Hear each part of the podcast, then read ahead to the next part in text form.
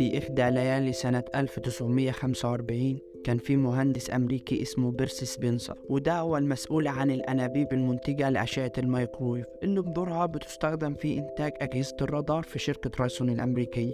كان واقف جنب حاجة اسمها الماجنترون وده أنبوبة بتشع موجات الميكرويف وبالصدفة لقى حتة الشوكولاتة اللي في جيبه ساح رغم إن درجة حرارة الغرفة عادية جدا. فشده الموضوع فحب يجرب على حاجة كمان. جرب جاب شوية ذرة وحطهم تحت الأنبوب طلعوا أول بوب كورن مصنع بالميكرويف يسكت؟ لا طبعا. قال التالتة ده. فجمع صحابه حب يعمل فيهم مقلب. وقام جايب إبريق شاي وحط فيه بيضة. وقال لهم الإبريق ده فيه إيه؟ قالوا له فيه. قال لهم لا بيضة. وقام حطه تحت الماجنترون فكانت النتيجة البيضة اتسلقت لا طبعا البيضة ما حصلهاش حاجة والتجربة فشلت أكيد لا برضه انفجرت في وشهم ودي كانت بداية الميكروويف سنة 1947 وحصل في وقتها على براءة اختراع وساعتها كان وزن أول فرن يعمل بالميكروويف حوالي 350 كيلو جرام وسعره من 2000 ل 3000 دولار. لكن إزاي أشعة الميكروويف بتستخدم لطهي الطعام؟ ده موضوعنا النهاردة. أنا استعمل فيه وده بودكاست معلومة على السخان ويلا بينا نحطها في المصر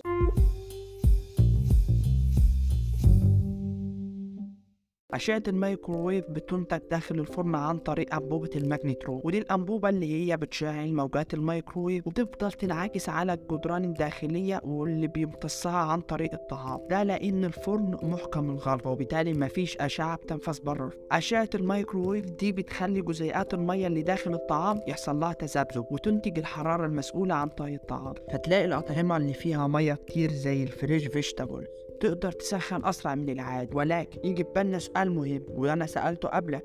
الأكل بيمتص الأشعة دي فكده الأكل هيبقى موجود في أشعة الميكروويف اللي هي ضارة فكده هيضرنا. لكن اللي ما تعرفوش إن مجرد ما الطعام يمتص الأشعة بيتحول في وقتها الحرارة وبكده الأكل ما بيكونش ملوث ولا في أي أشعة. فواحد يقول لي طيب إزاي الأشعة بتتوزع على الطبقة الداخلية للطعام والطبقة دي بتستوي رغم إن الأشعة بتمتص من الخارج؟ بس هقول لك أنا الطبقة الخارجية للطعام بتمتص الأشعة تمام. ونتيجة لارتفاع درجة الحرارة للطبقة الخارجية بتقدر الطبقة الداخلية تمتص الحرارة وتستوي. يبقى الطبقة الداخلية بتمتص الحرارة من الطبقة الخارجية. ورغم كده الطعام ما بيفقدش أي حاجة من القيمة الغذائية بتاعته. وبيحتفظ بالفيتامينات والمعادن الداخلية. وطبعا نستثنى أطباق البلاستيك وأطباق الحديد والسيراميك والزجاج وأي حديد قديم بلاستيك قديم للبيع. sorry اندمجت ده لأن البلاستيك ممكن يدوب والحديد هيعكس الأشعة. واحتمال يعطل الفرن كمان في حاجة مهمة هي إنك ممكن المية تكون وصلت لدرجة الغليان بس أنت مش شايف ده. وده بتحصل في حالة إن هو وصل لل superheated وتيجي تحط عليه شوية النسكافيه هتنفجر في وشك. فتأمن نفسك وتحط كل حاجتك من الأول.